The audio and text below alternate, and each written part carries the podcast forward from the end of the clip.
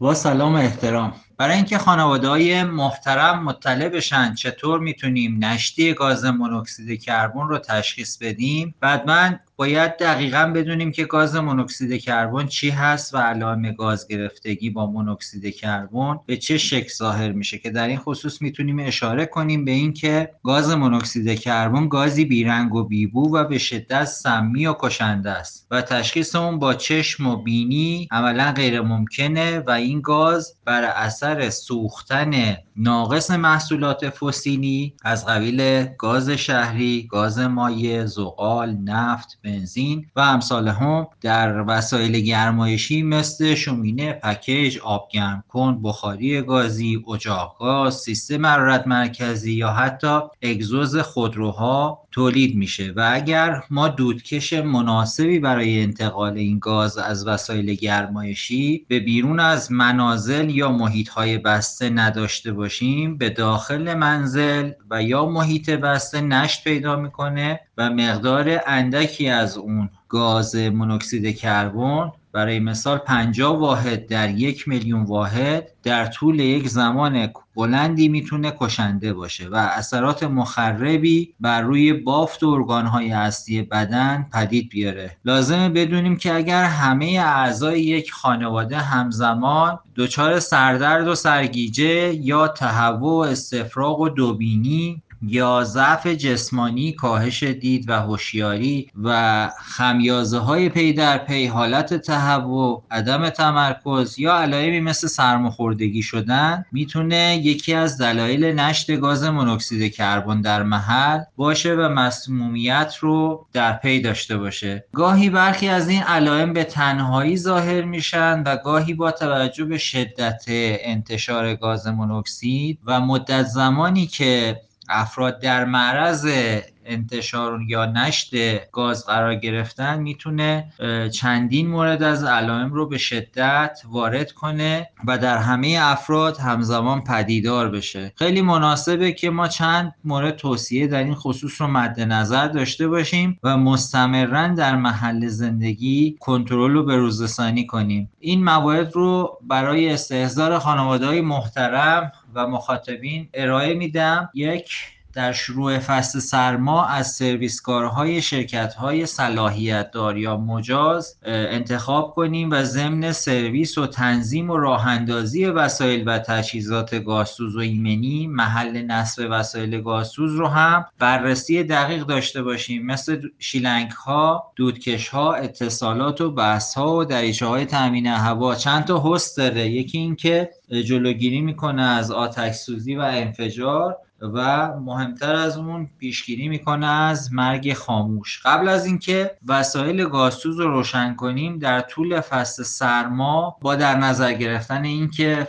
در شروع فصل سرما ما کنترل کردیم موارد رو در دوره استمرار بهره برداری در فصل سرد لازمه که چند باری پشت بوم بریم کنترل کنیم. سلامت کلاهک اچ رو. و هر شب قبل از اینکه به اتاق خواب بریم حتما گرم بودن لوله دودکش بخاری رو کنترل کنیم. قبل از نصب و روشن کردن بخاری باید از مکش دود توسط دودکش ها مطمئن بشیم. تست مکش دود قبل از نصب لوله دودکش بخاری ضروریه و کار ساده رو می‌تونیم با روشن کردن فندک یا کبریت یا یک تکه روزنامه و قرار دادنش در جلوی لوله دودکش تمرین و تست کنیم. در صورت که دودکش درست عمل کنه باید شعله آتش رو به سمت خود لوله دودکش بکشه. لازمه یادآوری شاید دودکش سال پیش درست و سالم بوده اما ممکنه در طی چند ماهی که از بخاری استفاده نکردیم جسم خارجی پرنده یا نخاله های ساختمانی یا حتی گیر کردن اجسام یا آب بارون که با اون اجسام اختلاط پیدا کرده درون دودکش باعث انصداد شده باشه. لازم ذکره که لوله های قابل انعطاف یا خورتومی که اشتباها به عنوان رابط دودکش استفاده میشه اصلا دودکش نیستن و به هیچ عنوان از این لوله ها به عنوان دودکش استفاده نکنیم و فوری اونها را با دودکش های فلزی گالوانیزه یا استیل جایگزین کنیم چون اینها از خلل و فرجی که در بینشون هست نشت گاز صورت می‌گیره و امکان اتصال و چفت و بست شدن این لوله ها به, گاز، به وسیله گازسوز یا دودکش دیوار وجود نداره و به راحتی هم سوراخ میشن و گاز مونوکسید کربن رو به محل از اون سوراخ های ریزی که درش ایجاد شده نشت میدن و سلامت اعضای خانواده رو تهدید می‌کنن. استفاده از وسایل گازسوزی که دودکش اونها با عبور از شیشه یا دیوار ساختمان در نمای ساختمان سمت کوچه و خیابان یا حیات یا بالکن ها و حیات خلوت ها رها شده نه تنها مجاز نیست بلکه شدیدا خطرسازه. با این دودکش ها سلامت و جان شما در خطر هست. وزش یک باد شدید می‌تونه مانع از مکش صحیح دودکش بشه. برودت هوا به همین شکل و این دودکش ها مکش مناسبی نخواهند داشت و خطر گاز گرفتگی شما رو تهدید می‌کنه. قبل از نصب بخاری از سالم بودن اون باید اطمینان حاصل کنیم و پیشنهاد میشه از بخاری هایی که مجهز به سیستم کمبود اکسیژن ODS هستن در محیط استفاده بکنیم. یکی از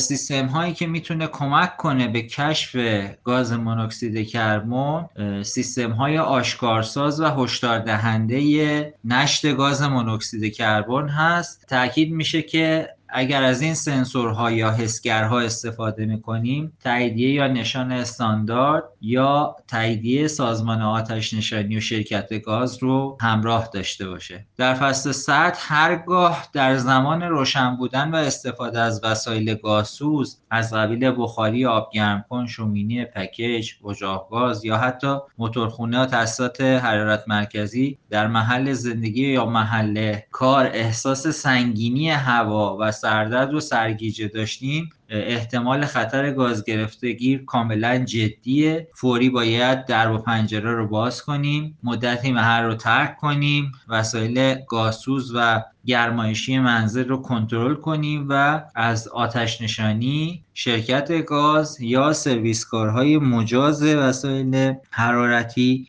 کمک بگیریم تا بتونیم محیط رو ایمن سازی کنیم. ضمن اینکه توصیه میشه از پوشاندن تمام درس ها و درب و پنجره ها و دریچه های تامین هوای تازه که در منازل و اماکن تعبیه شده به بهانه اینکه افت